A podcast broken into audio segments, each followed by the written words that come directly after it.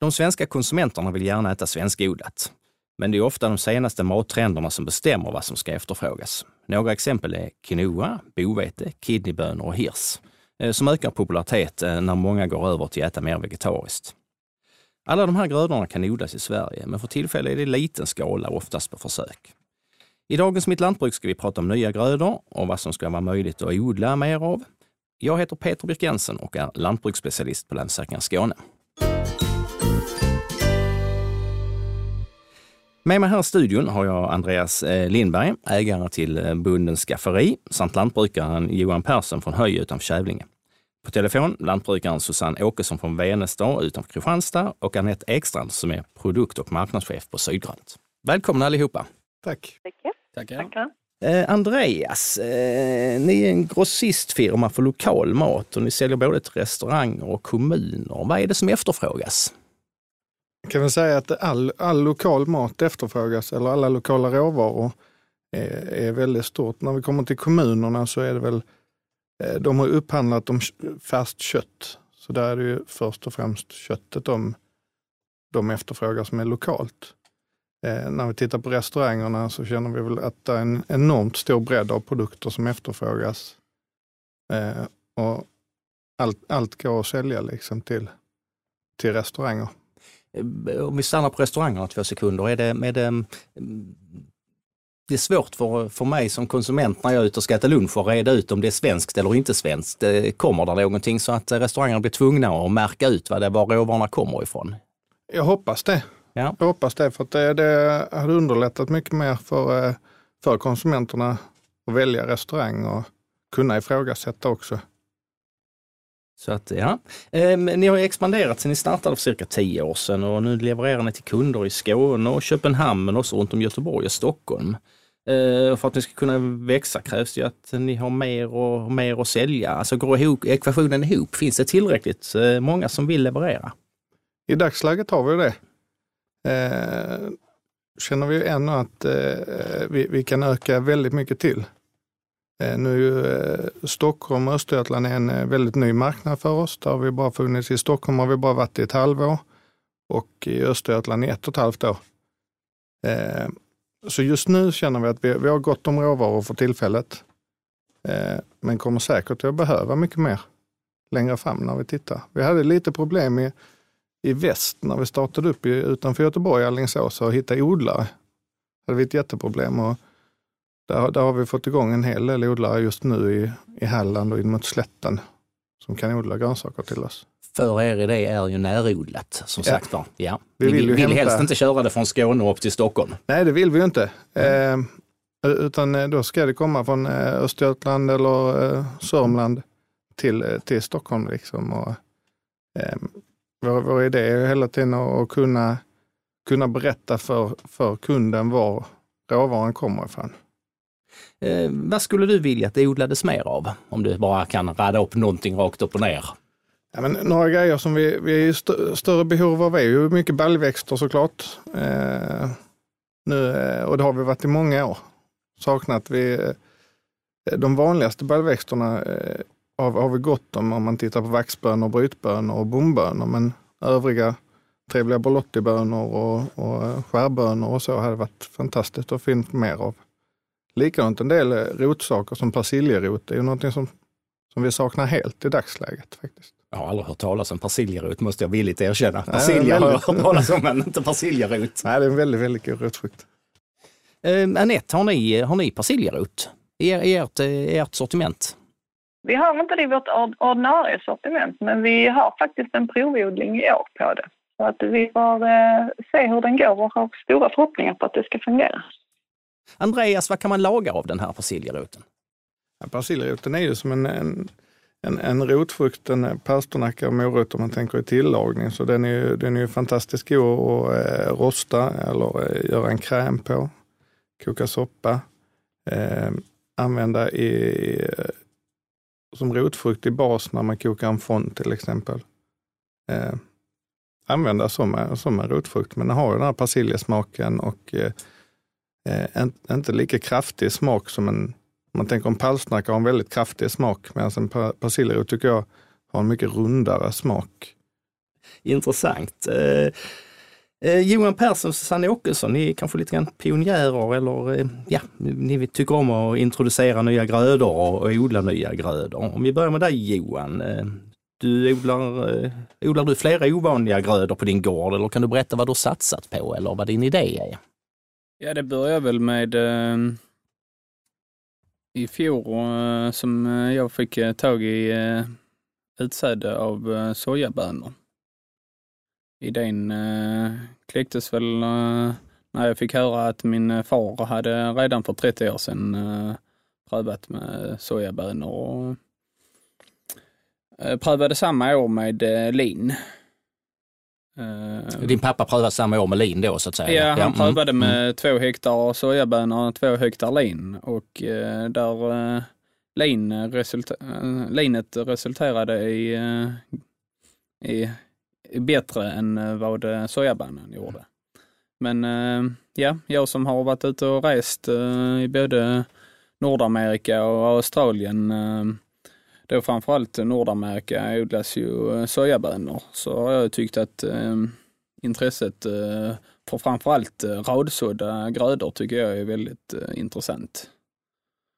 Eh, så jag prövade då på eh, en tiondels hektar i fjol och eh, fick eh, goda resultat. Eh, dock eh, hade jag bevattnat eh, odlingen i fjol i och med att det var mindre yta. Men eh, till i år så fick jag tag i eh, då svenskproducerat utsäde. Eh, och eh, tog då och odlade fyra hektar sojabönor. Och de sojabönorna, de används alltså inte till foder till djur utan det är som eh, till eh, snacks eller vad används de till? eh? Det är helt och hållet... eh, Till de som köper det får göra vad de vill ja. med det? Ja. Eh, I ett startskede så har vi ju eh, Eh, vår eh, lastbil eh, som vi har anslutna till en lastbilscentral som går över från Skåne upp till Dalarna varje vecka. Olika turer inom Lantmännen. Går på biodiesel i dagsläget och där hade vi kunnat göra biodiesel av om vi pressar ut oljan ur sojabönorna. Ja, där ser man. Hur, hur kom det sig att du bestämde dig för att göra det? Var det din inspirationen när du var ute och reste eller var, var, var, var kom idén ifrån från början? Ja, men det är ju att sticka ut och göra någonting eh, annat. Eh, har man inte maskinstation och gör något annat eh, resten av året eh, eller eh, har eh, entreprenad och sitter och gräver så kan jag ju tänka mig att hålla på och förädla något istället under vinterhalvåret. Ja, man kan inte hålla på och reglera om ett parabolantennen hela, hela vintern ju, så att Nej. man eh, måste hitta, hitta fler grenar. Ja. Eh, Hur hittar du köpare till dina grödor? Hur har du burit dig åt? Alltså, hur, hur, får man ut dem när man kommer som ny och grön då kan man säga? Ja, men jag- tycker det är ju väldigt viktigt att eh, man är öppen med vad man gör och berättar. Och eh, det ena leder till det andra och i dagsläget eh, har jag lite släktingar som håller på med eh, djurproduktion och eh, marknadsför sin djurproduktion med svenska råvaror.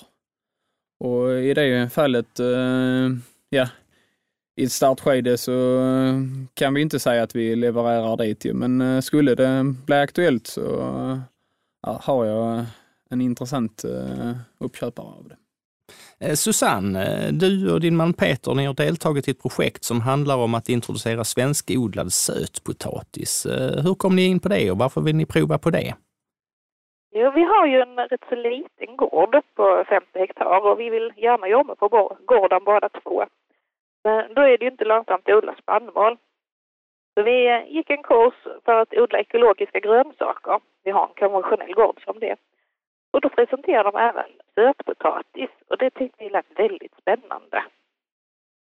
Eh, Hur, hur har det gått? Är det lätt att odla sötpotatis? Det skiljer sig mycket från att odla vanlig bintje, höll jag på att säga. De är inte släkt alls, så det, är en helt annan sak. Det är ingen potatis, utan det är en eh, ört och där roten sväller upp. Så det är inga knölar, utan det är liksom en del av roten som sväller upp som man sedan äter. Är det lätt att odla?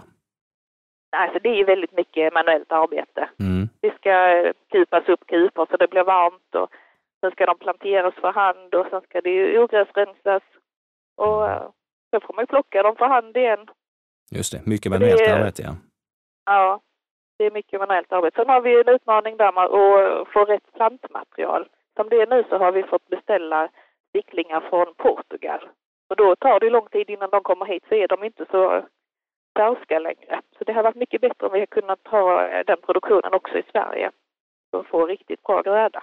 Anette Ekstrand, eh, du är produkt och marknadschef på Sydgrönt. Eh, här har vi två odlare som är pigga på att prova nytt. Men alltså, hur riskbenägna är de skånska odlarna generellt? Man tar ju alltid en risk när man börjar med något, något nytt. Ja, alltså vi, Sydgrönt är en producentorganisation så vi arbetar ju lite annorlunda. Vi eh, arbetar ju absolut med att innovera och komma med nyheter men vi försöker göra det genom att planera då och ha, och ha, um, ha kunderna med oss. Så att innan vi startar upp en ny produkt så presenterar vi ju den för kunderna och analyserar marknaden så att vi vet att det finns en avsättning och ett intresse för volymen vi testar. Men jag skulle vilja säga att våra odlare är, är positiva till nya, nya grödor och nya, nya produkter om man bara vet att det finns en liten grund att stå på. Ja, just det. Eh, ni har varit engagerade i projektet kring just sötpotatisen här. Eh, hur ser ni för framtiden för den i Sverige?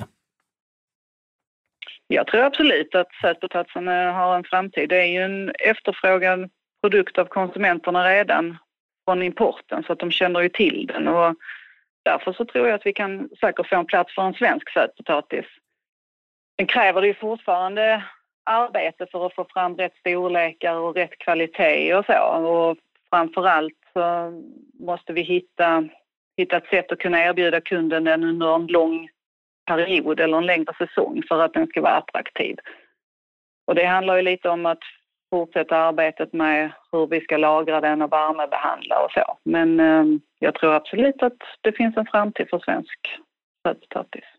Um, Susanne, hur har du sålt in? Är, är det genom Sydgrönt eller har du hittat andra marknader eller marknader att ge ut på? Vi säljer en skafferi och sen säljer vi till eh, lokala handlare runt om där vi bor. Så att då, de är intresserade av att ha lokala grödor. Så eh, vi passar på att sälja till dem. Då. Ja, och, det, och du tycker det är, det är lätt att hitta ut på, på marknaden? Ja, det har ett väldigt positivt bemötande. Mm. Det har gått riktigt bra faktiskt, över förväntan. Anette, ehm, i, i handeln så kommer ju den, den svenska sötpotatisen konkurrera med den som är importerad, både om platsen eh, på hyllan och med priset. Eh, hur ska den bli tillräckligt attraktiv för den svenska konsumenten, tror du? Ja, framförallt så måste vi ju tydligt informera att den är svensk. För som sagt, konsumenterna känner ju till produkten och det, det finns ju ett mervärde för svenska produkter. Så att, eh, men det gäller ju att vi märker ut det. Till exempel använder vi oss mycket av svenskmärkningen för vi tycker det är en tydlig och bra eh, märkning som, som de flesta svenskar känner till idag. Eh, men sen återigen, det gäller ju att den, den finns tillgänglig under en lång tid för att man ska lära sig att hitta den i butikerna eller där man brukar handla. Och, och, eh, så tillgängligheten och distributionen kommer ju bli viktigt för att, för att man ska liksom sätta en nyhet på marknaden. Ja, just det, och att den inte bara finns under två veckor för då hinner folk glömma av den utan att den måste finnas ja, under längre period. Ja, men lite så. Då handlar mm. man den en gång och sen nästa gång man kommer så finns den inte och då, då glömt den lite bort och så måste man börja jobba in den igen. Så att långsiktigheten och, och en sammanhängande leverans är, är viktig. Och sen givetvis så måste vi lite matcha kvaliteten för att den som finns i, i eh, handeln idag, och den importerade, har ju en ganska bra kvalitet och är jämn mm. och fin i storlekarna och så. Så att eh, vi måste ju lite matcha den också. Så vi har ju en bit kvar men jag tror att odlarna idag har ju gjort ett jättebra jobb så här långt så att vi är absolut på rätt väg. Vi är på rätt väg, ja men det är skönt det. Lönsamheten är något som ofta diskuteras när det gäller svensk grönsaksodling och den svenska handeln kanske är alldeles för prisfokuserad. Ehm, du har ju drivit en butik nu i drygt ett år, Andreas, om jag förstått det rätt. Ehm, finns det några lösningar som gör att både handeln och leverantörerna kan bli nöjda? Ja, men eh, absolut tycker jag. Vi, vi ser, nu har vi ju en butik, det är mer som en liten eh, lanthandel kan man säga. Ehm, med, med bara, bara lokala produkter. Och eh, vi följer ju eh, den skånska säsongen liksom i, bland grönsakerna i vår butik. Och, eh, jag tror absolut liksom eh, med prisen nog mer att handlaren är prisfokuserad. Jag tror inte konsumenten är prisfokuserad på samma sätt. Det finns alltid, alltid en del som går väldigt mycket på priset. Men eh, vad vi ser i vår butik så är det att de kommer in och vill handla en bra kvalitet mm. och en bra produkt. Och kanske ha en bättre hållbarhet på produkten. Och sen så vet de om att det garanterat är svenskt det, det de köper. Liksom. Så att jag tror, jag tror det är mycket upp till handlarna och eh, våga bara sälja svenska tomater under våra tomatsäsonger och ta, ta bort importen. Liksom. Ja, just det. Sluta, sluta ge för många alternativ där, utan mm. ta ställning och, och, och kör svensk blomkål när det är säsong för det. Liksom. Och, och följa säsongen kanske då som du sa, eh, som ni gjorde i er butik. Att man ja, följer nu, säsongen. Nu har vi ju valt att, att göra det extremt ju, mm. eftersom vi inte har någon import alls. Mm. Och det, det, är ju inte någonting som jag säger att, att varenda handlare måste göra, absolut inte, utan det, Eh, där finns eh, må många fantastiska produkter på import också. Liksom. Men, eh, men att un under vår säsong, under vår svenska säsong så tycker jag man ska gynna den mycket mer än, än att köpa in ett parti eh, importerade tomater bara för att de är billigare under en viss period. Ni som odlar och säljer svenskodlade grödor, eh, har ni planer på att börja med fler sorter? Jag kan väl börja med dig Johan, vad säger du? Har du något, något, något nytt på gång? Ja, vi prövade även i år att uh, odla sorghum. Det som är intressant med sorghum är ju att det är glutenfritt. Mm. Och är ju en av fem största spannmålsgrödorna i världen. Ja. Mm. Men sen finns det olika sorter. Jag antar att detta utsädet jag hade var för foderproduktion. Sen finns det sorter som är för humanproduktion också. Mm. Anette, eh, några idéer förutom eh, sötpotatisen för ögonblicket som inte var potatis som jag lärde mig? Ja, vi jobbar ju hela tiden med att utveckla våra odlares portföljer och vi har ju i år har vi eh, introducerat svensk pak choi som mm. vi har odlat i Blekinge och som var den första storskaliga produktionen av pak choi i Sverige. Som har fungerat väldigt bra det är ju lite utmaningar såklart med väder och vind alltid men jag tycker ändå vi har fått fram en jättefin produkt som eh, har tagits emot väl på marknaden. Och sen har vi en Fioretto som är en eh, speciell blomkål, en ny sort som växer upp i lite längre stänglar med små, små vita blommor på, uppe på. Och, ehm, ja, och sen har vi ju startat ett kokeri av rödbetor för att förädla våra medlemmars svenskodlade rödbetor och kunna erbjuda ett bekvämlighetssortiment. Och det tror vi också är viktigt för att få svenskarna att äta mer grönt. Så att, um, Just det, det är det ni har hela tiden med detta. i Food Hills lokaler i, i Bjuv. Det är, ja, precis. Det är där, ja, just det. Sånt. Susanne, vad säger du? Eh, eh, eller du, du har fullt upp att hålla det manuella arbetet igång runt sötpotatisen eller har du några nya idéer på gång? Ja, vi vill ha in någonting mer. Där är mm. lite äh, arbetsluckor där vi inte jobbar med sötpotatis. Så vi har äh, en liten dialog med grönsaksgrossisterna då. Vad fattas och vad kan passa hos oss? Ni på Sydgrönt investerar också i nya lagringsmodeller och i pressen har de presenterat som att ni med hjälp av dem ska kunna erbjuda svenskproducerat hela året. Eh, kan du berätta lite mer om det, Anette? Ja, vi arbetar ju på många sätt för att försöka förlänga de svenska säsongerna och då har vi som du säger bland annat investerat i lagringskylar. Men det är ju framförallt för kolprodukter. Mm. Uh, och vi försöker ju med hjälp av ny kunskap och ny teknik att uh, kunna ersätta importen med svenskodlade grönsaker. Uh, och det är ju ett sätt för oss att öka våra medlemmars volymer och på så sätt få en större plats på marknaden och, och också genom att vi gör detta så kan vi öka Sveriges självförsörjningsgrad. Så att, um... Och det finns tillräckligt med produkter så att säga, tror du, så att med hjälp av nya lagrings, eh, så att ni kan, e-, alltså nya lagringssystem, att ni kan erbjuda eh, efterfrågan eller möta efterfrågan åt dem? Eller det, det är en framtidsvision Ja, alltså efterfrågan på svenska produkter är ju stor. Och, mm. så att vi, men vi ser en stor potential i det och vi tror absolut att vi genom vårt arbete aktivt kan öka sortimentet och, och tillgången genom nya odlare eller att anpassa sortimentet efter vad marknaden kräver. Odla lite mindre av någonting som inte är lika attraktivt och så öka det som är mer efterfrågat. Så. Och det kommer ju nya odlare hela tiden som, som kanske bara har odlat spannmål, som börjar bli lite mer intresserade av att odla grönsaker, lite som Susanne var inne på. Och det är ju mm. jätteroligt.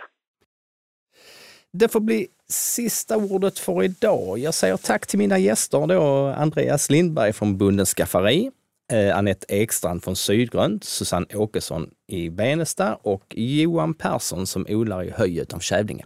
Tack så mycket för att ni var med här idag. Tack så mycket. Tack själv.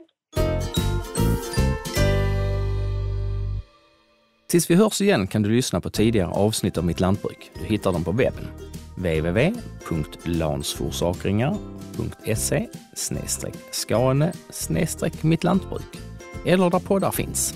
Jag heter Peter Birk Jensen och på återhörande.